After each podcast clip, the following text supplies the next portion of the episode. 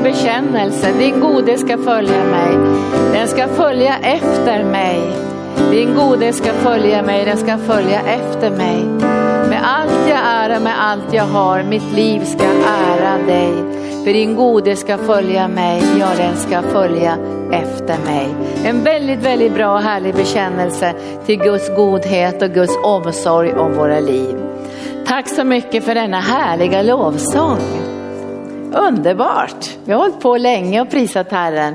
Men det behövs det här äh, att vi lovsjunger och ärar Gud och låter honom få känna att han också är älskad. Så mina vänner, nu ska jag rikta mig till er som har varit på helande dagarna. Vi började ju i måndags kväll och sen har det varit hela tisdagen och idag hela onsdagen och nu avslutar vi med det här onsdagsmötet. Och det har varit väldigt speciellt de här helande dagarna för vi har aldrig gjort så här någon gång förut. Vi har ju inte haft någon pandemi utan vi har ju alltid kunnat bjuda våra gäster hit och vi har haft er i vilstolarna och vi har sett era ansikten och vi har kunnat flöda i den heliga ande. Men jag har pratat med våra medarbetare och de sa att det har varit ett försök men det har varit väldigt härligt och underbart och vi kommer att eh, utvärdera för att vi önskar att få göra det här igen och igen och igen. Och vi har ju fått feedback också hur Herren har fått möta dig och välsigna dig. Och i eftermiddag när jag gick förbi mina medarbetares rum så, så hörde jag att de satt i telefonen och läste alla profetiska ord som ni har fått. Så att det, det, det sista i den här äh, tisdags eller onsdags eftermiddagen eller kvällen innan jag börjar predika det är att vi ber profetiska ord för alla gäster. Och sen få, när man är här så får man ju de orden på ett vykort. Men nu satt vi och ringde till alla och alla har fått personlig förbön också på telefonen och sen på nätet har det varit ett flöde här i den helige ande. Så jag hoppas att du har känt dig glad över de här dagarna. Och du kan ju få vara med oss också, vi kommer ju ha många fler helande dagar. Men nu i slutet av eh, ska säga, I början av juni så kommer vi ha sommarbibelskola i två olika omgångar så vi kommer ha några, någon dag emellan för att man ska kunna läsa litteraturen. Och sen i slutet av juni och i början av juli så kommer vi ha en kurs i befrielse. Det är bra va? Befrielsetjänst. Vi kommer att tala om hur Satan förlorade sin makt och hur demoner verkar och hur man befriar människor från demoner och vad som är demoner och vad som inte är demoner så vi ska bli starkare i befrielsetjänsten. Så det tror jag kommer att bli en väldigt intressant kurs. Och sen har vi mirakelkonferensen precis som vanligt. Alla talare är med. Plus nya talare också och lovsångare. Så de som kommer från andra länder vet vi ju inte om de har möjlighet att resa hit med flyg, men då kommer de att vara med oss live här på storbildsskärm. Så det ska bli jättehärligt att få flöda i den heliga ande. Men vi hoppas att det blir en förändring till, till juli månad. Så, så att, men vi står i tro för det att, vi ska, att den här coronapandemin ska böja sig så att vi ska kunna få, ha våra gudstjänster som vanligt. Men precis som du sa Charlotte, vi tänker inte ställa in någonting. Vi, vi ställer inte in, vi hör många säger det, vi ställer om. Men vi vill ha samma möjligheter att få betjäna dig. Så är det så att du vill bli församlingsmedlem, en sån här distansförsamlingsmedlem, för vi erbjuder nu också människor som inte har någon församling att bli församlingsmedlem i Arken. Och då behöver du skicka in till info.arken.org för på söndag klockan nio kommer vi ha det här på nätet, men då kommer det vara via en länk. Så det är bara du som har anmält dig som kommer att se den här visionsdelningen. Så, och då kan du få bestämma sen också om du vill gå med i församlingen, för det är viktigt att veta vilken församling man går med i, eller hur? Så hur vi arbetar, hur vi ser på saker, vilken vision vi har och så vidare. Är allt okej okay där borta? Allt är okej? Okay? Bra, bra. Jag trodde att det var någonting som hade hakat upp sig där, men allt är okej okay och ni ser mig där. Ikväll ska jag tala om tro. För genom tron behåller vi ju det som Gud har gett oss. Men genom tron behåller vi också det som Gud har gjort för oss, för hela mänskligheten. Men sen talar Gud till oss på ett individuellt plan och då behöver vi behålla det som Gud ger oss. Och när man har varit på helande dagarna så har man ju fått mycket från Gud. Vi har haft många som har flödat här i den heliga ande och, och bett ut många bibelställen och flödat i nådegåvorna. Men allt är ju inte till alla på en gång. Men så kommer de där mötesplatserna med Gud. Och så känner man, nu talar Gud till mig. Visst har ni varit med om det? Man var med, nu talar han till mig. Och då vet vi att när Gud talar till oss så planterar han det in i våra hjärtan. Men Bibeln säger att om det faller på vägen eller på den hårda marken och även om det faller i hjärtat, så, men om det faller ändå så att det inte hinner få någon rot så står det att demoner och mörkrets makter som beskrivs som rovfåglar kommer och stjäl det här ordet. Så när Gud har talat in i våra liv behöver vi vara så rädda om det som Gud har lagt ner i våra liv. Och ett sätt att bevara det som Gud har gett är ju tacksägelsen. Genom tacksägelsen och genom tron behåller vi det som Gud har lagt i våra liv. Och jag vill säga ikväll att tro är inte ett konstant begrepp utan man kan växa i tro. Alltså Bibeln talar ju faktiskt om att man ska gå från tro till tro och vi ska börja där ikväll och läsa ifrån Romarbrevet kapitel 1 när Paulus säger med frimodighet i 16 kapitlet, jag skäms inte för evangelium. Visst är det en bra proklamation? Jag skäms inte för evangelium och jag skäms inte för Jesus. Och jag skäms inte för Guds församling och jag skäms inte för att jag är ihopkopplad med, med Guds folk. Men jag skäms inte för evangeliet, för evangeliet är Guds kraft till frälsning. Och utan att vi predikar evangelium, evangelium betyder de glada nyheterna om Jesu försoningsgärning. Det är det som är evangelium. Hans död, hans uppståndelse, segern över mörkrets makter, andutgjutelsen, Jesu himmelsfärd och så vidare. Det är evangeliet. Och när evangeliet förkunnas så förlöses Guds kraft. Guds kraft förlöses och blir närvarande när vi, när vi förkunnar evangelium. Eller när vi vittnar om Jesus så kommer Guds kraft i rörelse. Och det står då här i Romarbrevet att, att det är Guds kraft till frälsning för var och en som tror. Först för juden, men också för greken. I evangelium uppenbaras rättfärdighet från Gud. I evangelium uppenbaras pånyttfödelsen och vår nya ställning i Jesus Kristus som Guds barn, som kungar och präster och som godkända av Gud. Och utan evangelium så lever vi i ständig fördömelse. Och utan evangelium så blir kristendomen bara lagiskhet och religion och prestation och vi kommer aldrig komma ut ur fördömelsen. Därför är evangelium också en beskrivning om ett liv i rättfärdighet, i Guds godkännande. Och det är bara där som tron kan växa. Vet ni att tron växer dåligt när vi lever i fördömelse och lagiskhet. Det blir inte den näringen för tron, utan tron har sin förutsättning att du vet om att du är godkänd av Gud genom Jesus Kristus. Att han har stämplat ditt hjärta och sagt du är godkänd och att du vet att du är ett Guds barn. För anden kommer att vittna med din ande och säga du är ett Guds barn. Och när du är i Jesus så är du under en öppen himmel och du kommer att höra samma ord som Jesus hörde. Du är min älskade son, du är min älskade dotter. I dig har jag min glädje. Och varför kan Gud säga det? Därför att du har tagit emot Jesus.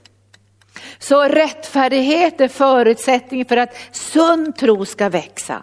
Och vi vill ju ha sund tro. Så, så att utifrån rättfärdighet, då börjar tron att växa. För tron kan ju du och jag inte prestera. Jag har ju blivit väldigt, väldigt välsignad ifrån trosväckelsen. Och jag älskar ju Guds ord. Men jag mötte ibland människor som försökte lyfta sig i håret. För de tänkte, nu ska jag prestera tro. Och jag ska riktigt anstränga mig så kanske jag får fram någon droppe. Men vi måste veta att tro kan man inte producera, utan tro är en frukt av att anden och ordet möts i Jesus så kommer anden att producera tro. Visst är det skönt det? Men det här kräver ju också någonting av oss om man nu skulle tala om kräva. Så behöver vi ju möta Jesus i ordet. Och vi måste låta anden verka i ordet, i en andlig kärleksrelation. Där växer tron. Och därför kan du och jag ha en växande tro. Men det är så skönt att veta att du behöver inte prestera.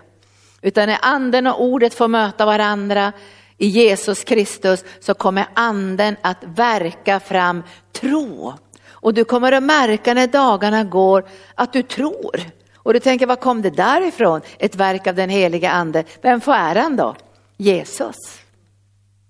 Och då säger, då säger Paulus så här, lyssna nu här, det är så bra nu. Evangeliet uppenbaras rättfärdighet från Gud av tro till tro. Av tro till tro, alltså en växande tro. Och när man, när man börjar få en växande tro, då känner man igen orden ifrån Hebreerbrevet kapitel 11, vad tro är för någonting. Alltså när tro börjar växa till i vårt liv, då händer det här på insidan och det är verkligen härligt när man känner det. När man känner, det här är bara hända i mitt liv. Vem har gjort det här? Jag har inte lyft med håret, jag har inte pressat. Utan det är den heliga ande som har gjort det här därför att jag lät ordet och anden mötas i en andlig kärleksrelation. Då verkar anden tro.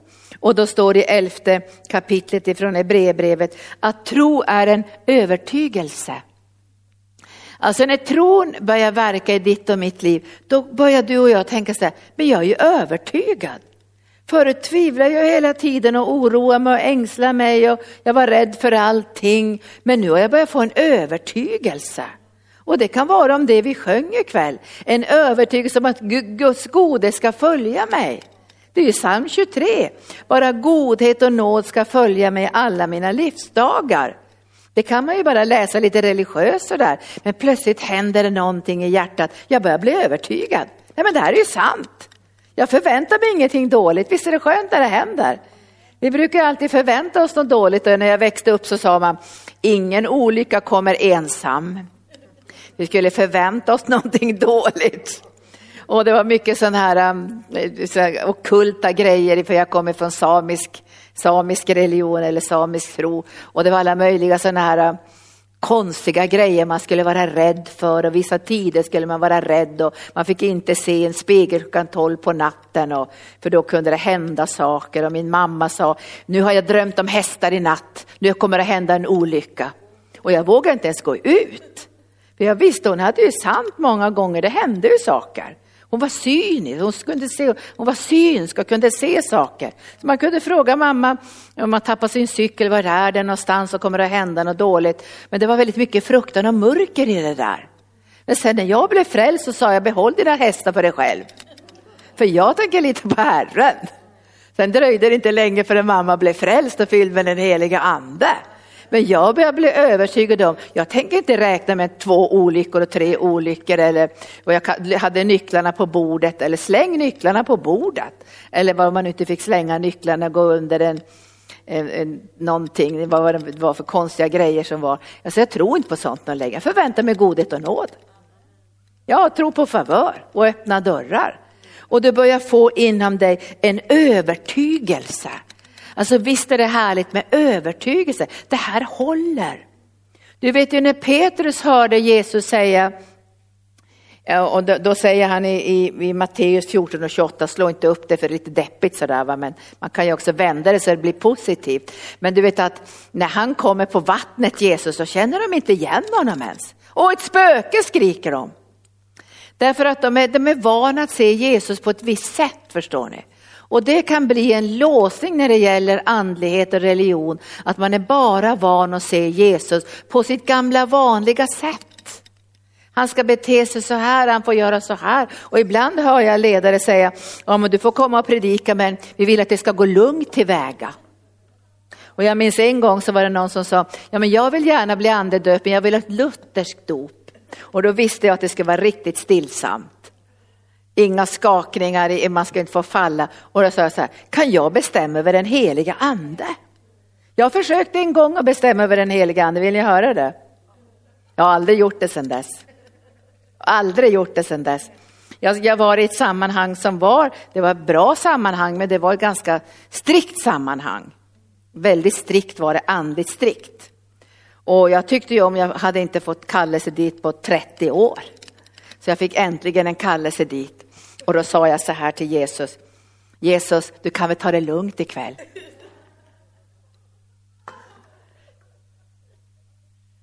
Jag fick mig en riktig läxa. En riktig läxa. För kvällen blev hemsk, alltså utifrån det där perspektivet. Jag skulle be för sjuka den där kvällen. Och det var, jag kan inte säga vilket sammanhang det var, men det var ett ganska strikt sammanhang. Så jag tänkte, nu måste det vara lugnt här, för då kanske jag får komma tillbaka. Då ska man inte tänka heller, man får aldrig tänka sådana dumheter. Men jag sa till Gud, ta det lite lugnt ikväll. Den första som jag bad för var en kvinna som skrek nästan som en gris. Alltså hon tjöt, alltså, ni vet hon tjöt. När anden kom över henne så tjöt hon och får upp i luften och föll på golvet. Och jag fick säga till ledaren, det är inte mitt fel, det är inte mitt fel, det är mitt fel. Och jag tänkte, gode Gud, gode Gud, lugna ner dig nu helige ande, här måste gå lugnt. Och det ena blev, ja det, det, det, sen blev det inte, de skrek ju inte lika högt som den första, men det for åt alla håll och den profetiska smörjelsen kom. Och jag kunde inte säga till helige ande, ta det lite lugnt du, inget profetiskt nu helige ande. Ta det lite lugnt nu. Alltså det gick ju inte, vad har jag för rätt att bestämma över den helige ande? Men jag har inte blivit kallad igen. Men jag fick mig en riktig, riktig läxa och jag bad Gud om förlåtelse. Ska aldrig mer. Och ibland hör jag ledare säga, ja vi vill ha en kampanj men vi vill ha det lite lugnt så inte människor blir rädda. Då säger jag, då ska ni inte kalla mig. För jag bestämmer inte över den heliga ande. Om han vill ha det på ett visst sätt så får han ha det på ett visst sätt. Vill han ha på ett annat sätt. Men kan jag bestämma över den heliga ande? Jag fick mig en riktig bränna där. Men efter att jag åkte hem sa tack Jesus, jag slipper bestämma över dig. Och jag är så tacksam Gud. Jag lägger mig på altarplatsen. Jag lägger mig platt på altarplatsen. Du får använda mig precis som du vill. Och det här växte som en övertygelse i mitt hjärta också. Jag tycker inte om att höra när människor säger, ja du får predika här men du får inte tala tungor högt. Hur ska jag kunna bestämma över den heliga ande om han vill ha tungotal och uttydning? Vem är jag? Ska jag sitta och bestämma, nej det här får du absolut inte ha något tungotal för nu är jag i de här sammanhangen. Det har hänt mig någon gång när jag var i, i, i Danmark en gång så trodde inte att de menade det, men de sa, nej men här talar vi inte i tungor, sa de. Men jag tänkte så menar de kanske inte riktigt ändå. Jag tänkte de kanske med att vi ska stå och skrika i tungor, det behöver jag inte göra. Men jag började be och flöda i den heliga ande och började gå runt och be så här och jag började tala i tungor och uttyda, det kom det profetiska. Och då kom den där pastorn och stoppade mig och sa, jag har ju sagt till dig, sa han inför alla, att du får inte tala i tungor. Men tror ni att jag vill åka dit mer? Nej, det gör inte jag. Därför att jag kan aldrig säga till den helige ande att nu får du inte göra så här och du får inte göra så här. Jag säger välkommen helige ande. Vad säger ni? Det här gör att du får en övertygelse. Du tappar människofruktan och jag önskar att vi ska tappa människofruktan. Och den här otron och tvivlen som kommer och rädsla, gör jag bort mig nu och tänk om de blir arga på mig och tänk om anden verkar för mycket. Du är ju bara en kanal för Gud, hör du mig där borta? Och ibland får du riktigt göra bort dig också. Så du får gå hem och tänka nu har jag gjort bort mig. Men har du gjort bort dig några gånger så skäms du inte för evangelium någon längre. Du säger kom heliga ande, vad helst du vill göra ikväll så får du göra det. Tycker ni jag predikar bra ikväll? Gillar ni det här? Så vi beslutar, vi ska inte bestämma över den heliga ande. Och den heliga ande är en gentleman, man behöver inte vara jätterädd att och nu får jag vara jätteskraj här, nu får du.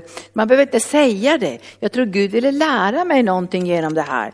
Men annars så märker jag att Gud titta vilket sammanhang är jag i och så att Gud han vet hur, hur människor kan ta emot det som predikas. Så man behöver inte så mycket pressa sig och tänka ut och ha människofruktan, men man överlåter sig till Gud. Och, och den helige ande är faktiskt en gentleman. Han skämmer inte ut människor. Och efteråt den där kvinnan som skrek så där högt, hon var salig efteråt. För hon hade ju fått en befrielse och var superlycklig. Så det var ingen som klagade efteråt och sa det här var inget bra, utan de som fick möta Gud var jättelyckliga. Men jag fick mig en läxa. Så när tron börjar verka i ditt och mitt liv så får vi en övertygelse. Och när Petrus såg Jesus på ett an- eller lärjungarna såg Jesus på ett annat sätt, då, då trodde de att det var ett spöke. Och det är därför vi behöver variation i den heliga ande. Så det är inte bara på ett exakt ett sätt varje gång. För då tror vi ibland att Jesus är ett spöke, vi känner inte igen honom. Det här känner vi inte igen. Så de ropar ut ett spöke, nej det är jag säger Jesus. Det är jag. Och då säger Peter, är det du? Kan det vara du? Då får du säga till mig att jag ska komma ut till dig. Så säger han. Då så får vi testa det här om det är du. Och säger du kom, då går jag ut på vattnet. Och vad säger Jesus då? Kom, säger han. Kom. Och på det ordet, med att han ser Jesus bland vågorna, på det ordet får han en övertygelse. Att det går att gå på ett enda ord. Tänk när du och jag kan gå på ett enda ord. Vi behöver inte tre timmars övertygelse. Ibland får man ju be länge för att övertyga sig själv. Och ibland får man be för andra också för att tron växer under det att man ber. Men tänk, tänk om vi skulle komma till en plats att vi behöver ett enda ord. Kommer ni ihåg den här eh, hövitsmannen? Vet du, då Jesus säger till honom, så imponerar vilken stark tro du har. Vilken stark tro du har, säger han. Vilken stark tro. Och vad är det som den här hövitsmannen säger? Du behöver inte komma under mitt tak, men säg bara ett enda ord så kommer min tjänare att bli frisk. Vilken övertygelse han hade denna hövitsmannen att Jesus stod under gudomlig auktoritet. För han stod själv under auktoritet och den var inte gudomlig, det bara var vanlig auktoritet. Han var ju militär. Och min pappa är militär så jag visste när jag var ung hur den här ordergången gick i det militära. Och den här hövitsmannen säger att, den här militären säger att jag står under befäl. Och de som är under mitt befäl, de kommer när jag säger kom och de går när jag säger gå. Därför de är under befäl, de är under min auktoritet. Men så säger han till Jesus, men, men du säger han till Jesus, och han vet att Jesus står under ett helt annat befäl. Under Guds auktoritet, ett enda ord räcker. Och Petrus fick ju ett ord, kom. Och han går ut på vattnet och sen händer det någonting. Han tappar blicken på Jesus. Alltså han glömmer bort och fortsätter att titta på Jesus och så börjar han titta på vågorna. Och så märker han att vågorna är jättehöga. Han ser att stormen börjar bli värre, det blåser något fruktansvärt och vågorna är höga. Han ser på omständigheterna och sen tvivlar han och börjar sjunka. Vad säger Jesus då? Varför har du så svag tro? Varför tvivlar du? Och när vi har tvivel i våra liv så är det ett tecken. Inte ett tecken till fördömelse att Gud kan kasta oss på soptippen eller att nu är det slut med våra liv. Men när vi har för mycket tvivel i våra liv så är det ett tecken på att du och jag behöver växa i tro.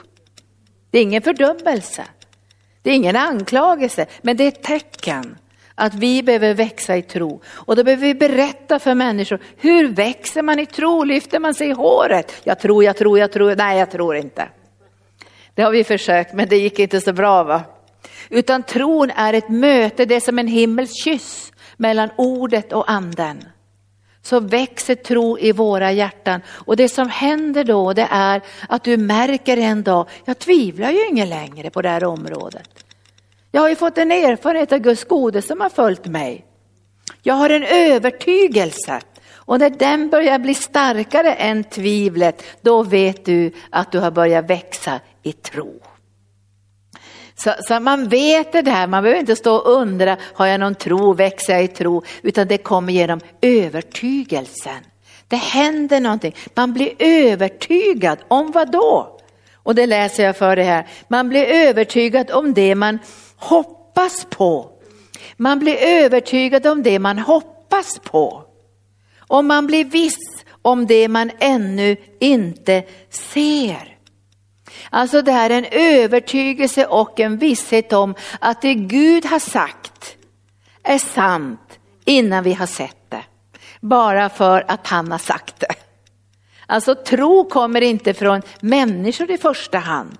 För jag skulle ju kunna ge dig ett hopp och vara en duktig psykolog eller terapeut eller något sånt där och ge dig hopp och lite kognitiv terapi och få att du börjar hoppas på någonting. Men det är inte det hoppet vi talar om. Vi talar om det himmelska hoppet, det som har sitt fäste i Guds hjärta, det som har sitt fäste i Guds löften. Det är det hoppet vi talar om.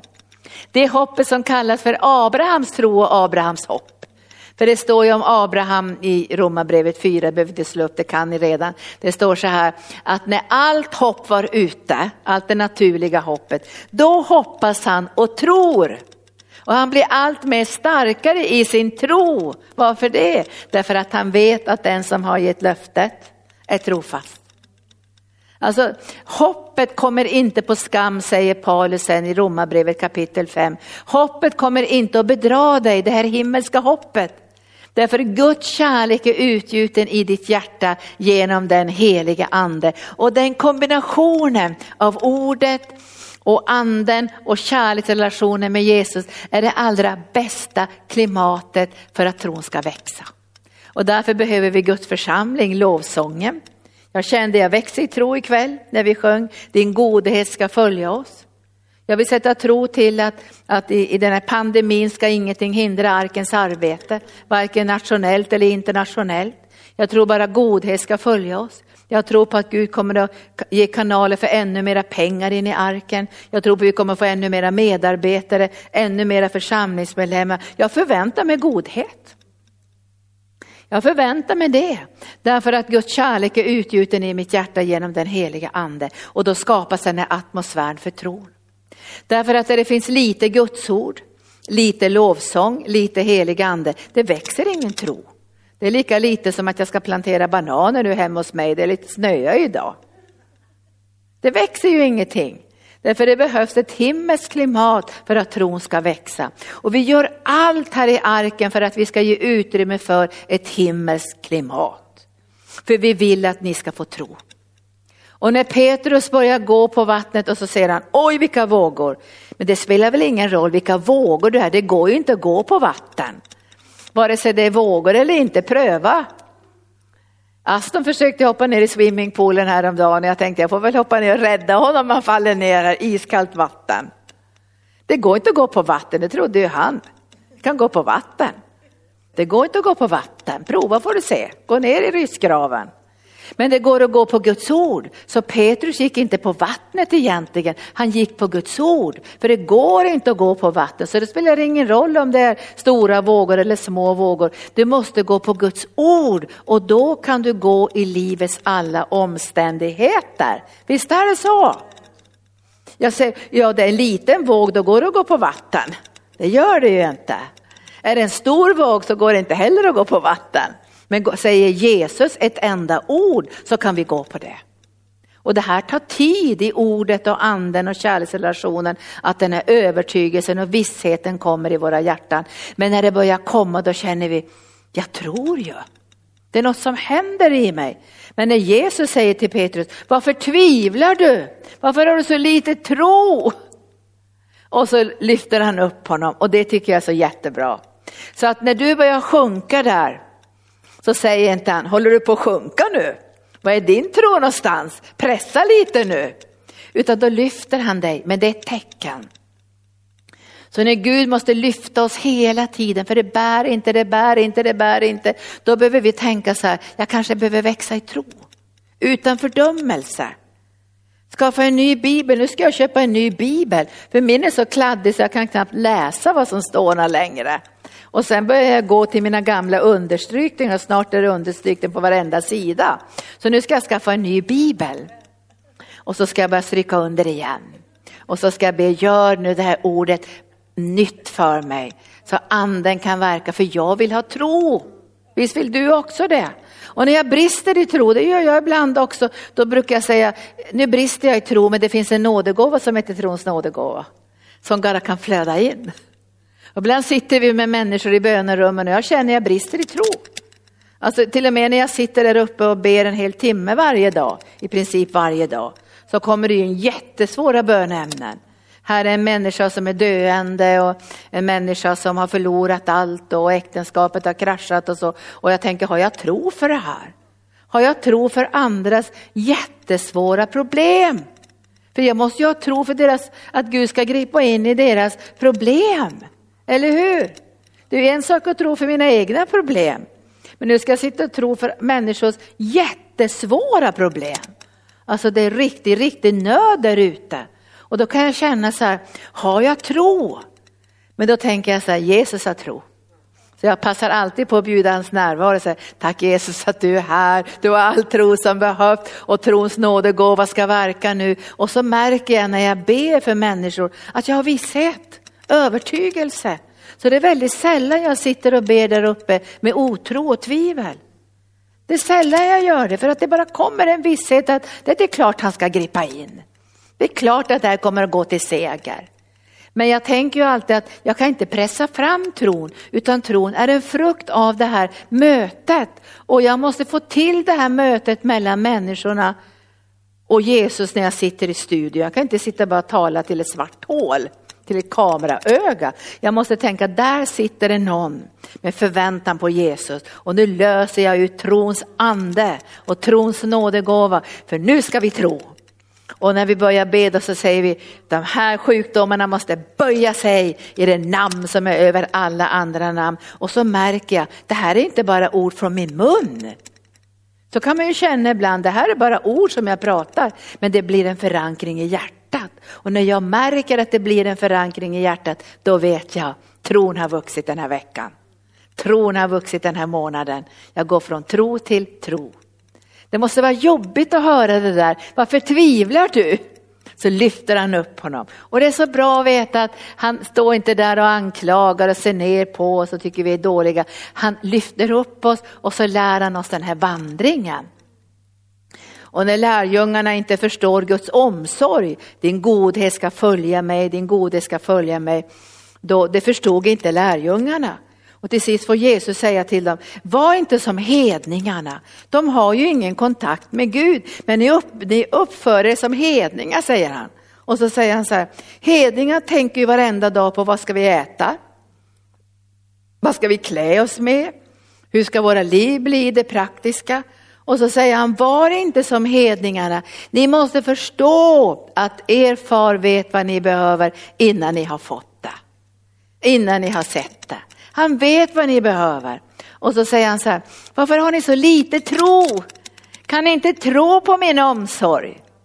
Titta på fåglarna, titta på liljorna på marken. Se min omsorg om det som bara växer under en kort tid. Har inte, är inte ni mera viktiga än, än djuren och blommorna och naturen? Och så säger han, sök först Guds rike och hans rättfärdighet så ska allt det andra tillfalla dig. Så genom tron pressar du inte, ska säga, du pressar inte Gud och så att nu måste du ge mig det här, Gud du måste ge det här. Det funkar inte så, därför han har redan gett oss det.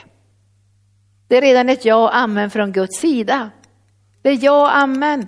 Så det är inte så att vi pressar fram någonting. Gud, nu måste du hela mig. Och nu måste du hjälpa mig. Han har redan gjort allting genom Jesus Kristus och den heliga andes uppgift är att uppenbara allt gott som Gud har gett oss i Jesus.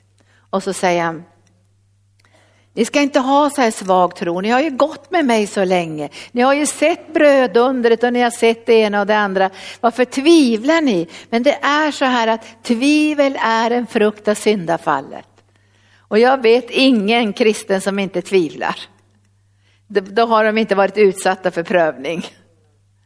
Utan man kunde känna när den här coronakrisen kom så kunde man känna fruktan som en stor svart moln bland kristna också, så kom den där fruktan. Därför att tron visar ju sig inte när allting är toppen, utan när trycket kommer, omständigheterna kommer, då visar det sig. Har jag tro eller har jag inte tro? Och då får jag väl vara ärlig mot mig själv och säga, på det området har inte jag tro, jag har inte vuxit i tro. Jag vet ju att jag sitter inte och ljuger och säger, åh jag ger varenda söndag 10 000 kronor. Då skulle jag ljuga. Jag är inte på den trosnivån, men jag har vuxit väldigt mycket de här åren i mitt givande. Men jag ger inte 10 000 varje söndag. Men jag skulle kunna ge någon söndag 10 000 och sträcka mig i tro. Men jag måste ju erkänna att på det området har inte jag vuxit. Jag skulle vilja växa. Jag skulle vilja bli en kanal för ännu mera pengar. Och jag ber om det, att den heliga ande ska ge mig en växande tro på det här området. Men jag sitter inte och ljuger för mig själv att jag har tro när jag inte har tro. Så jag måste ju säga till Gud, här måste jag växa. Här måste jag utvecklas. Här verkar jag ha mycket fruktan. Här verkar jag ha mycket tvivel. Här vill jag växa. Och tar man det på ett positivt sätt, då kommer det här bli roligt. Från tro till tro. Nu ska jag ta något bibelställe till, orkar ni det ikväll? Jag ska, ska ta någonting här när, när, när, Jesus säger till en kvinna att hon har stor tro. Han säger till den här hövitsmannen att han har stark tro. Men nu säger han till en kvinna att hon har stor tro. Och det är i, ehm, i 15 och 21 i Matteus evangelium 15 och 21. Och där möter Jesus en, en kvinna som man säger en hedna kvinna. Hon, är inte, hon, är, hon har ingen delaktighet i förbundsfolket. Och Jesus när han kom till jorden så vet ju vi att han var begränsad till det judiska folket, eller hur? Han kom till sina egna. Så försoningen till alla folk och alla hedna folk över världen kom genom Jesu försoningsgärning. Men när han gick på jorden så var han begränsad i sitt kall. Kan vi vara överens om det? Han var begränsad. Så Gud hade kallat honom att komma till sitt eget folk. Och han visste ju att efter uppståndelsen skulle evangelium nå alla folk över hela jorden. Men nu är det en kvinna som har ett väldigt stort problem. Och hon har så stort problem så att hon kan inte ens sköta sig. Hon går och ropar. Du vet att om vi skulle vara i ett seminarium och så börjar någon ropa, då kanske vaktmästaren kommer. Säger gå härifrån, du får inte ropa så. Det är precis det som skedde. Därför hon ropade så högt för att hennes dotter var, hon säger så här, min dotter är svårt besatt. Och du måste förbarma dig över mig, säger hon. För hon plågas något otroligt av att se sin dotter svårt besatt. Och hon ropar ännu högre. Men Jesus svarar inte henne med ett enda ord. Fy vad jobbigt. Har du varit med i sådana situationer när Gud tiger? Och hur tolkar du det? Du tänker nu har han lämnat mig, nu vill inte han tala längre, nu är jag utesluten från Guds närvaron, nu har han tappat tron på mig. Men ibland tiger han, han tiger. Kan ni det bibelstället i Sefania bok? Han gläder sig över dig med lust, men han tiger stilla i sin kärlek. Och ibland måste Gud tiga för att det ska gå lite djupare i våra liv. Så är det. Annars blir vi McDonalds-kristna. Jag vill ha snabb, snabbkursen. Jag vill att allt ska gå jättesnabbt. Jag går till, till kassan och sen ska jag ha det jag har beställt nu på fem minuter. Och så plötsligt är kassan stängd och det är helt tyst.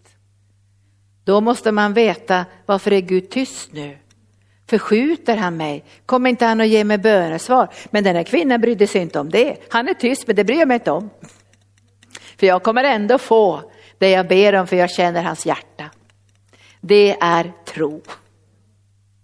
Det är tro att tänka att jag kommer att få bönesvar även om jag inte ser någonting nu. Även om det är tyst. Och du kommer att få uppleva det här många gånger under livet när du är i tjänst. Du kommer att få uppleva det. I både i ditt eget liv och när du tjänar i en församling. Och du önskar saker och du vill se saker och vill se genombrott och du vill se Guds lösningar. Och så är det tyst. Och så är det tyst därför Gud vill komma åt någonting i ditt liv. Och vet du vad Gud kom åt i den här kvinnans liv? Uppenbarelsen om brödet. Hade, hade Jesus inte varit tyst här, hade inte kvinnan fått möjlighet att få den här övernaturliga uppenbarelsen om barnens bröd. Och jag tror Jesus teg en stund för att anden skulle kunna verka i hennes liv. Så när människor säger Gud har tigit, Gud har tigit, jag hör ingenting. Och då ibland frågar jag dem så här, när tystnade Gud? Är det så att han är trött på att tala till dig? Så kan det ju vara också. Han säger en sak hela tiden och ibland får han säga det gång på gång på gång och så tystnar rösten. Och så får man gå tillbaka till den stunden när man slutade lyssna till Guds röst. Så kan det vara ibland också. Men det var inte så för den här kvinnan. För ibland säger man, åh Gud, jag måste veta din kallelse, min kallelse, min kallelse. Men då säger jag, men sa inte Gud det till dig för 20 år sedan? Du måste gå tillbaka till den platsen där du, tar, där du tar på allvar att Gud har talat in i ditt liv. Men så var det inte för henne, utan nu teg Gud i sin kärlek för han ville komma åt någonting i hennes hjärta. Ska vi se hur det går här. Nu kommer lärjungarna, få tyst på tanten. Alltså nu börjar de säga till Jesus också, få tyst på henne, skicka iväg henne. Hon gapar ju så högt och skriker och följer efter oss. Det orkar inte vi med. Och skulle du inte få förkastelse då? Först så tiger Jesus och sen kommer lärjungarna och ber det gå därifrån. Alltså hon skulle ha kunnat sagt så här, jag struntar i det här, det är ingen idé att jag försöker följa Jesus, jag, jag går hem. Många skulle säga det för de skulle bli kränkta. Man möter folk, så här, jag mötte någon som sa så här, ja men jag blev kränkt när jag var sju år. Och jag är fortfarande kränkt. Ja men då får man inte mycket från Gud. Vad säger ni? Hon borde ha blivit kränkt här. Först tiger Jesus och sen säger lärjungarna skicka bort henne, hon skriker så högt. Men det bryr hon sig inte om för hon vet hans hjärta. Och nu ska vi se hur det här slutar, det är så vackert det här. Hon säger igen, nu faller hon ner vid hans fötter och säger, Herre hjälp mig. Och då måste Jesus ge henne en respons och säger han så här, det är inte rätt att ta brödet från barnen. Det är inte rätt att jag tar brödet som tillhör barnen, Israels folk och ger det till hedningarna. För jag har kommit till Israels folk. Det är inte rätt att jag gör det här. Jag tror att han säger det med väldigt smärta också. Det är inte rätt att jag gör på det här sättet för jag har kommit till Israels folk. Men den här kvinnan har fått en uppenbarelse. Jo, herre, säger de, det vet jag. Men hundarna de äter smulorna som faller från deras herras bord. Så det räcker med en liten smula så blir min dotter frisk och jag får läkedom också i mitt liv. Då svarar Jesus henne, nu läser jag vers 25, kvinna din tro är stor. Alltså det här är ett tecken på den stora tron. Om du börjar märka att du börjar få en stor tro, då finns det ett tecken. Du tänker inte ge upp. Vare sig det är tyst eller högt eller människor kommer att, jag vet ju människor som ibland säger, ja men Gud helar inte idag, och nådegåvorna finns inte idag och Gud kommer inte kunna använda dig för du har varit knarkare i din ungdom eller det här och det här har hänt i ditt liv. När du inte böjer dig under det, när du inte låter det förflutna definiera vem du är, när du inte hindras av att människor trycker tillbaka dig och säger det där tror inte jag på, att Gud kommer aldrig kunna använda dig. När du inte lyssnar på det, utan du tänker så här, det där ska jag inte lyssna på, utan jag ska lyssna till Jesus. Då beskrivs den stora tron, den tro som inte ger upp. Så när du börjar märka att det har hänt någonting, du kanske gav upp jättesnabbt förr i världen. Minsta lilla grej så gav du upp och blev ledsen och kränkt och drog dig undan och blev besviken på Gud och besviken på människor. Och när du börjar märka sådana saker måste du tänka, men jag kanske måste växa i tro. Det är ingen fördömelse i det. Men när du börjar märka så här, men det har hänt någonting i mig, jag tänker aldrig ge upp. Aldrig ge upp. Tänker inte ge upp. Jag tänker bryta igenom för jag vet vem, vem Jesus är. Han kommer aldrig att avvisa mig. Och nu är det ju så här när vi tittar på det här bibelstället ikväll. Du tillhör ju barnen, du behöver inte äta några smulor. Utan du får ju hela brödet. Därför du tillhör barnen och har rätt till barnens bröd. Tänk att han säger så här. Kvinna, din tro är stor. Det ska ske dig som du vill. Det ska ske det som du vill. Alltså hennes vilja är så stark, hon är så övertygad om att hon kommer att få det som hon ropar efter därför Gud är god. Och genom den helige ande får den här kvinnan uppenbarelse och hittar en utväg utifrån Guds ord och Guds löften, barnens bröd. Och hon blir fullständigt läkt ifrån sin smärta också att ha ett barn som är svårt besatt av en ond ande. Det ska ske som du vill och från den stunden var hennes dotter botad. Den stora tron. Och nu lever vi i en tid, och det gör ni också som är här och ser mig nu via nätet och har varit på helande dagarna. Det Gud gör för dig och mig ska inte bara stanna i våra egna liv. Därför behöver vi en växande tro. Jag skulle kunna tänka så här, om jag tror för mig själv bara, för mitt eget hem och för mina barn och barnbarn och för några andra, då räcker väl det. Men Gud vill att du och jag ska tro för människors frälsning ut över hela världen. Han säger större gärningar än jag gör ska ni göra, för jag går till Fadern. Han har gett oss den stora missionsbefallningen och det går inte att gensvara till det om inte du och jag har en växande tro. Då kommer vi att bli utbrända, utmattade. Vi kommer inte att orka gensvara därför att gensvaret måste vara i tro och inte i vår egen kraft. Och nu ska vi se på två killar som i kapitel 9 i Matteus evangelium där Jesus också är imponerad. För de tänker inte heller ge upp i kapitel 9. Och vad underbart när man har människor omkring sig som tror. Alltså inte bara som tröstar dig, åh vad jobbigt du har det, jag vill trösta dig lite grann. Utan som har tro på en förändring. Det är sådana jag vill umgås med. Jag vill umgås med trosfolk som kan ge mig Guds ord. Guds löften, Guds lösningar. Jag vill inte bara ha någon slags mänsklig tröst, jag förstår hur jobbigt du har det. Och jag har ju utbildat mig teologiskt också. Och det enda vi fick var någonting sån där halvdålig psykologi. Där i den teologiska utbildning jag var i alla fall. Den själavård vi fick lära oss på den teologiska skolan där jag var. Det var att om folk hade problem då skulle jag lyssna på dem och sen skulle jag spegla det de sa och ge det tillbaka till dem. Alltså jag lyssnar som om Charlotte skulle säga, jag mår jättedåligt, jag har så svår ångest, jag är så rädd för corona. Då skulle jag säga, Charlotte är det så, är det korrekt där Charlotte att du har svår ångest och att du är rädd för corona? Och så ska hon känna igen sig och få någon sorts bearbetning på insidan. Det är inte kristen själavård. Vi ska ge människor ett hopp. Vi ska sammanföra dem med Jesus och vi ska tro på Guds ingripande och Guds förvandlande kraft. Därför behöver vi en växande tro, inte bara för vår egen del, för alla de människorna som vandrar i mörker och dödsskugga och förtvivlan.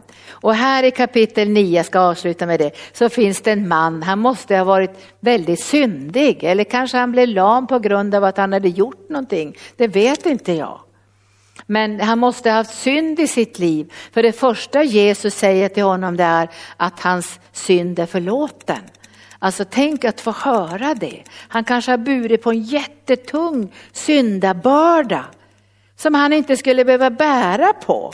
Och Jesus kanske menar så här, men förstår inte du att din synd blev förlåten för 20 år sedan? Varför bär du på den idag? Din synd är förlåten. Inte precis just nu, det var ju 2000 år sedan din och min synd blev förlåten. Det är över 2000 år sedan som vår synd blev förlåten. Så vi kan inte gå och bära på jättetung syndabörda. Och Jesus vet att den här mannen måste veta att hans synd är förlåten. Men den här mannen hade aldrig fått höra det om inte han hade fyra kompisar som hade tro. Och de hade en sån där våldsam tro som vi inte är vana att ha i kyrkan. Och jag vet inte vad vaktmästarna skulle säga om det brakar till i taket. Då kanske de skulle säga att det är ett spöke som kommer. Det brakar till. Alltså det här var en järv, praktiskt tro. Alltså de tänkte, det här accepterar inte vi att det är fullt med folk på gården. Det var folk överallt. Och de kom inte fram med den här mannen som var lam för de bar ju på en bår. Och de tänkte, vi tänker inte ge upp. Vi tänker absolut inte ge upp. Utan de trängde sig igenom folkhopen och klättrade upp på taket och så gjorde de hål i taket. Och då stod inte Jesus och sa, ni förstört mitt hus, vad är det mer? Utan han såg deras tro.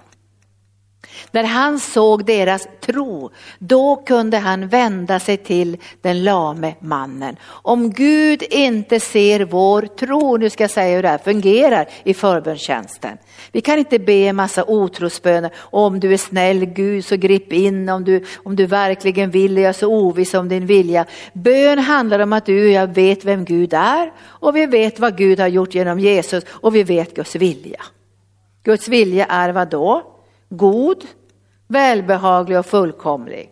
Idel goda gåvor kommer ovanifrån, sker ingen växling mellan ljus och mörker. Och så står det så här, om vi ber om ett, ett bröd får vi inte en sten, om vi ber om en fisk får vi inte en skorpion. Och de här killarna måste ha haft väldigt mycket kärlek. De, de såg att deras kompis bar på en syndabörda. Kan hända han var bitter. Kan hända han sa så här, nej jag vill inte till Jesus, jag tror inte på något helande längre och jag har haft så jobbigt i livet och de har sårat mig så mycket och jag har varit kränkt och kan hända att någon som hade skadat honom så han var lam, vi vet ju inte det. Men han bar på en syndabörda vad det nu var för någonting. Men kompisarna hade kärlek och Gud söker efter ett folk som vill växa i tro på grund av kärlek till andra. Visst är det bra det här? Så om du skulle bli motiverad att växa i tro så är det inte bara för att du ska få in mera pengar till dig själv eller bättre hälsa, det är också bra. Men du vill växa i tro för andras räkning. För att få en tro som inte ger upp. Jag vet inte om jag hade gått hem och det var fullt med folk och vi bar någon på bår. Då kanske jag tänkte, ja vi kommer tillbaka nästa imorgon och ser om vi kan få tag på Jesus. Men de brydde sig inte, tänkte, har vi kommit hit, då bryter vi igenom. Och när Jesus såg den tron i de här killarnas ögon och hjärtan, då kan han vända sig till den, här, till den här lame mannen. Och när du och jag inte har tro och inte uttrycker tro, då har Gud svårt att verka i dem som vi ber för. Säger jag rätt här nu då? Alltså när, när, du och jag börjar så tvivel, ja, vi är inte säkra på att Gud vill hela dig, då, har, då är det jättesvårt för den människan som vi ber för att få tro. Då överför vi någonting av tvivel. Men när du och jag uttrycker tro, då händer det något i den hjälpsökandes hjärta. Den får en förväntan på Gud, att han ska gripa in. Och därför säger jag ikväll, låt oss växa i tro. Vi säger till Gud ikväll vi växer i tro. Från tro till tro. Och inte bara det, från härlighet till härlighet. Från kraft till kraft. Att den heliga ande ska kunna verka i mig så att jag får en tro som bär när jag ska sträcka mig ut i andras nöd. Annars kommer jag bli deprimerad. Jag kommer att bli ledsen. Jag kommer att känna, det här orkar inte jag. Att sitta och lyssna på all den här nöden och sen försöka spegla den så människor ska få lite trygghet och lite tröst i stunden. Utan jag ska sammanföra dem med Jesus för att få förvandlade liv. Och Jesus han, han ser de här killarnas tro och så vänder han sig till den här killen som låg på, bädd, på bädden och så säger Jesus såg deras tro och sa till den lame, var lugn mitt barn, dina synder är förlåtna. Var lugn. Du behöver inte oroa dig nu, var bara lugn, det här kommer att gå bra. Dina synder är förlåtna. Och nu händer det någonting, nu ska ni förstå att, att när, när Guds kärlek genom tron löses ut i det här landet, då blir det en reaktion i andevärlden. För djävulen vill inte det här. Alltså djävulen hatar tro. Finns det någonting som han hatar så är det tro, för en rättfärdig ska leva av tro. Och han försöker att få oss att leva genom lagiskhet eller prestation eller att vi går tillbaka till någon judendom eller någonting och försöker uppfylla 613 lagar, vilket inte fungerar. För Bibeln säger bryter du en enda lag och du brytit allihopa. Och du kommer att få stress och du kommer att få problem och du kommer att bli utbränd. Därför vi ska leva av tro. Men det sker någonting i andevärlden, jag läser det här bara. Några skriftlärde tänkte inom sig, han hädar. Jesus såg deras tankar och sa, alltså Jesus ser inte bara tron, han ser också våra tankar. Och han säger, varför tänker ni så här i era hjärtan? Vad är lättare att säga dina synder är förlåtna eller säga res dig och gå? Men för att ni ska veta att Människosonen har makt på jorden att förlåta synder så säger jag, och nu talar han till den lame. Res dig upp, ta din bädd och gå hem. Alltså det måste, det måste han ju ha fått tro, eller hur? De flesta av oss skulle ju inte resa sig upp och gå hem och bära sängen. Vi skulle ligga kvar och hoppas på det bästa. Men alltså det blir ett så starkt möte mellan Jesus och den här mannen att han reser sig upp. Och det här är ingen lång förbön med tusen ord. Han säger bara, var lugn mitt barn, dina synder är förlåtna. Och så säger han, res dig nu och så går du. Men för att ni ska veta att människosonen har makt på jorden att förlåta synder. Så säger han, res dig nu och ta din bädd och gå hem. Då reste sig mannen och reste sig upp och gick hem. Och när folket såg det greps de av fruktan och prisade Gud som hade gett sådan makt åt människor. Halleluja. Så vi ska avsluta här ikväll. Jag vill vända mig till dig som har varit på helande dagarna. Att du inte ska gå i den här fällan nu och tänka att tro är en prestation, tro kan du producera, tro måste du pressa fram och att du blir fördömd om du inte har tro. För jag har mött många människor som har fått kanske höra sådär, ja men du är sjuk för du har för lite tro. Det kanske du har hört också någon gång, och du är sjuk för att du har för lite tro. Och, och då, då blir de så fruktansvärt sårade. Så att de både lämnar Gud och församlingen. Men jag skulle aldrig säga så till någon som är sjuk. Det är inte min uppgift att säga till någon som är sjuk att den har för lite tro. För vem är jag att säga det? Min uppgift är att ge dem tro. Eller hur? Det är därför jag behöver lite extra tro. Det, om jag möter en sjuk människa så ska jag gå och bedöma, jaha, du är fattig för att du har för lite tro och ditt barn är sjuk för att du har för lite tro. Det är ju ungefär som att gå med en jättebjälke i ögat. Du och jag ska ju ge människor tro. Och de här killarna gav den här kompisen tro. De visade med sina liv att vi tänker inte ge upp, vi känner Jesus och han kommer att förvandla ditt liv. Så vi ska ge människor tro. Och det är därför vi vill ha en växande tro, en utvecklad tro, en, en, en, ska säga, en tro som inte ger upp och blir kränkt och sårad och en tro som kan känna igen Jesus. Därför att vi ska ju vara med och hjälpa människor. Så att när vi ber ikväll, och jag vill tänka på dig nu som varit på helande dagarna, det som Gud har gjort i ditt liv, det ska du få ge vidare. Och för att du ska kunna förvalta det Gud har gett dig och kunna ge det vidare så behöver du en bärande tro. Och du behöver kanske också köpa en ny bibel och, och börja läsa olika saker om Guds kärlek och om tro och befrielse, om om att övervinna alla möjliga teman som den helige ande vill tala in i ditt hjärta så att du kan få tro inom olika områden. Inte bara favoritområdet, jag är älskad av Gud. Det är ett väldigt starkt favoritområde. Men det finns andra områden där du och jag behöver växa och utvecklas. Inte bara för vår egen skull, därför att världen ropar på någon som tror. Finns det någon som tror? Finns det någon som tror överhuvudtaget? Och Jesus säger, ska jag hitta någon som tror när jag kommer tillbaka? Och han ska hitta ett folk som tror. Och därför så ska vi förstå ikväll också att tro är en produkt av den helige andes beröring i våra liv. Och vi, vi ska be nu att du ska få en längtan i ditt hjärta att få en växande och utvecklad tro.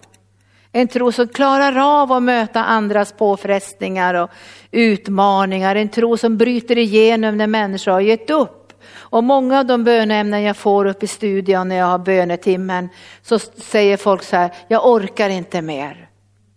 Och idag var det flera som ville ta livet av sig. Som sa, jag orkar inte mer, jag vill inte leva. Alltså väldigt, väldigt nöd. Och då, måste, då kan inte jag säga, ja men vad sorgset, har du sådana hemska tankar, det kanske blir bättre nästa vecka. Jag måste tro att de här tankarna kommer inte från Gud. Jag behöver tro vad Guds ord säger, att vi strider inte med mänskliga vapen. Våra vapen är mäktiga inför Gud och vi kan bryta sådana här tankar, höga bålverk och tankebyggnader och lägga dem under Jesu Kristi lydnad. Så jag måste säga, nu tar vi auktoritet över de här dödstankarna, böjer i namnet Jesus och så får jag be kom heliga ande och fyll den här personen med livslust med glädje. Kom med liv och hälsa nu och berör de här såren och minnena som har växt till liv av smärta och, och mörker i den här människans liv. Därför att vi har tro. Och det här kan du inte prestera. Det är Gud som gör det. Och därför behöver man ju överlåta sig hela tiden och säga kom helig ande, kom med trons ande, kom med trons nådegåva så att jag kan gå in i bönetjänst för andra utan att tappa tron. Det är jättejobbigt att vara i bönetjänst och sen går man hem och är deppad. Vi har varit med om det också. När jag började min tjänst och så hade jag inte så särskilt stor tro. Och jag tyckte djävulen följde mig hela tiden när jag skulle be för människor så sa han, ja det händer ingenting. Jag kunde bara höra han tjatade varenda person jag bad för. Det kommer inte att hända någonting. Det händer väl ingenting när du ber. Det är väl ingen som tror på någonting ikväll. Det händer ingenting. Alltså till sist fick jag säga efter några år, tig i namnet Jesus. Jag tänker inte höra sådana där ord längre från mörkrets makter, utan jag tänker höra den heliga ande säga, nu ska det ske.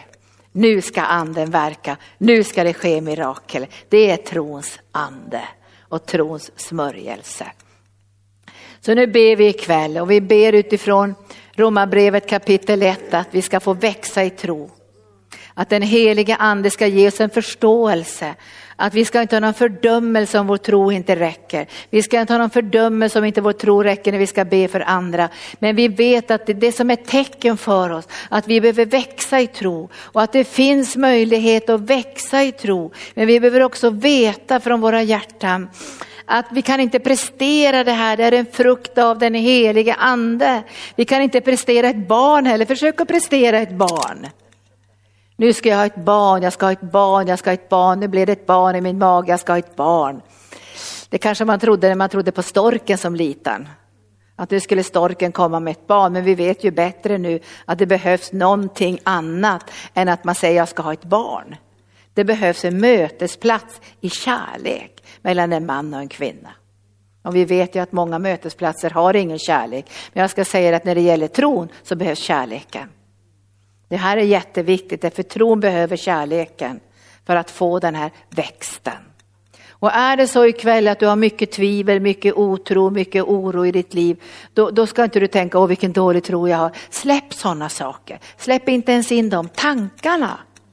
Utan säg istället, tack att jag såg det här, nu vet jag, halleluja, för det området ska bara växa och utvecklas tillsammans med dig. Så var med mig nu i bön och så ber vi.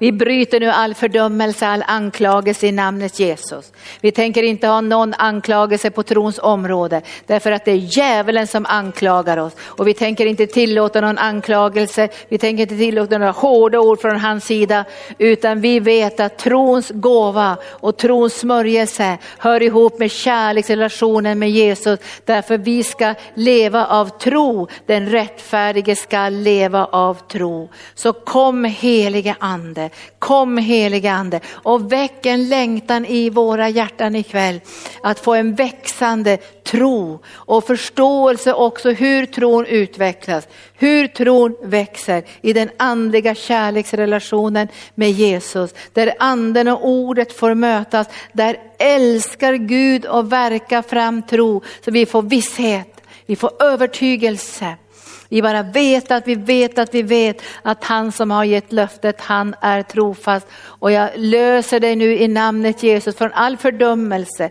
all självanklagelse, allt det som vill trycka ner dig i skoskaften, att lyssna på djävulens attacker och fördömelser. Vi böjer det här i namnet Jesus, för vi vill ha en tro som växer i kärlekens miljö. Vi vill ha en tro som växer i kärleken till Jesus. Där ska vår tro trivas och då kommer vi inte bara gå från tro till tro, vi kommer att få gå från härlighet till härlighet där Guds närvaro kommer att bli starkare och starkare. Och vi kommer att gå från kraft till kraft. Och vi kommer att få höra Jesus säga, din tro den är kraftfull, vilken kraftfull tro du har, vilken stor tro du har, vilken genombrottstro du har. Och vi ber dig helige ande att vi ska klara också trons prövning. När vår tro blir prövad så ska vi bestå provet därför vi tänker inte ge upp. Vi tänker inte bli kränkta om du tiger. Vi tänker inte dra oss undan om vi är sur på människor som ber oss hålla tyst på något sätt.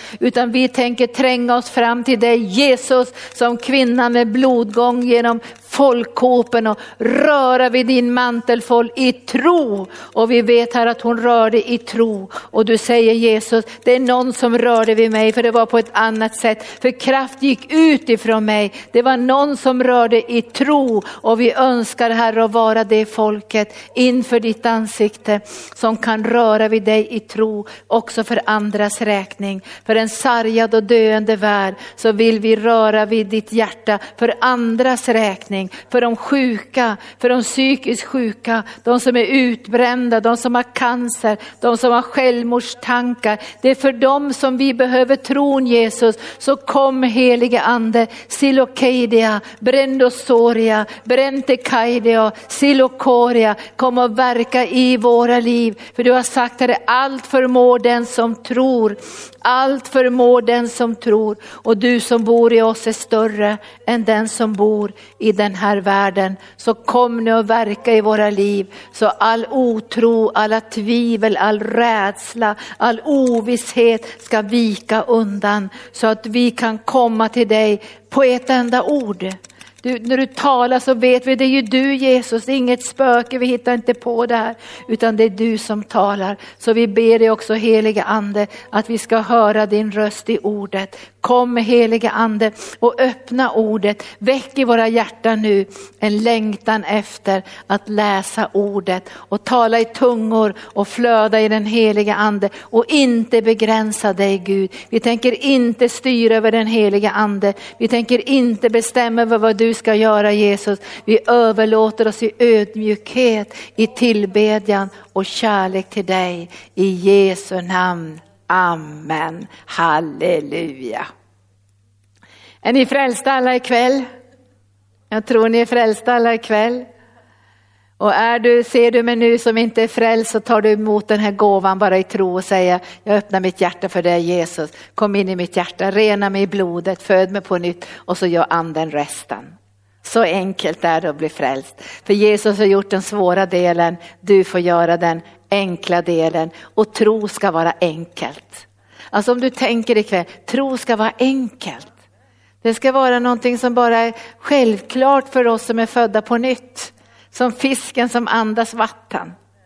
Vi ska inte liksom chippa efter lust och, tänk, luft och tänka nu måste vi in i någonting religiöst och pressat där. Utan det ska vara övernaturligt, naturligt. Vi är skapade av Gud för att leva i tro. Tack Jesus. Ska vi sjunga den här sången till sist igen? Och du tar emot om du har blivit skadad i din tro. Kan hända, jag hörde en kvinna som sa att hennes barn hade dött. Och då hade hon kommit till en själavårdare som sa, ja ditt barn dog därför att du hade för lite tro. Får aldrig säga så. Visst är det bra när jag säger ikväll att vi ska ge människor tro. Det är det som är vårt uppdrag, att ge dem tro. Där kommer Gud att hjälpa dig med. Det här kommer att gå till seger. Gud kommer att trösta dig. Det här var inte Guds vilja att ditt barn skulle dö. För Gud älskar dig, han älskar ditt barn. Och så är vi trosmänniskor som lyfter människor. Därför att Gud ger oss den här tron för att vi ska kunna ge den vidare till andra. Så det ska bli en trons atmosfär som inte ska vara anklagelse. För att börjar man få, det här, går det här snett så blir det inget roligt faktiskt. Då går man och ljuger också. Till sist som man står och säger, jag är inte sjuk, jag är inte sjuk, jag är inte sjuk, jag är inte sjuk, jag är inte sjuk, fast man är sjuk. Så det är inte tro. Tro handlar om att bekänna sig till Jesu försoningsgärning. Så min bekännelse är inte om jag skulle vara sjuk, jag är inte sjuk, jag är inte sjuk. Min bekännelse är genom dina sår Jesus är jag helad. Genom dina sår har jag fått läkedom. Det bekänner jag mig till. Så att säga. Kom nu helige ande och verka i mitt liv med din läkande kraft för jag vet att din vilja för mig är helande. Det är inte förnekelse. Abraham tittade på sin kropp och såg att den var så som död men han förnekade inte. Så nu ska vi idag och alla ni som ser mig nu och är med från helande dagarna, nu ska ni ha en växande, glad och frimodig och härlig tro. Så ni ska bara längta efter varje dag och tänka idag ska min tro växa, idag ska min tro bli starkare, idag ska jag ha tro för någon som inte orkar med sitt liv, idag ska jag ha ett ord från himlen, ett profetiskt trosord som vänder det här mörkret till ljus. Tack Charlotte för en härlig inledning, tack för kollekttalet. Och glömde du bort att ge kollekt så har du en chans att göra det nu också om du vill. Då kan du bara gå in på vår hemsida och se vårt swishnummer så är du med och satsar in i arkens helande tjänst och arkens förbönstjänst. Och imorgon möter du mig som vanligt klockan ett i den här bönetimmen och glöm inte att lämna in ditt böneämne på info.arken.org så fortsätter vi att be med tro och förtröstan på Jesus att han ska gripa in och förändra och förvandla våra liv. Så tack ska ni ha för ikväll och tack för att ni kom allihop och var med här. Tyckte ni att det var bra det här? Tyckte ni att förkunnelsen landade i ditt hjärta? Vad säger du? Är det dottern det här? Är det dottern? Jag ser att ni är ganska lika. Men du älskar Jesus va? Ja, det är bra det. Tyckte du, tyckte du Gud sa någonting till dig ikväll?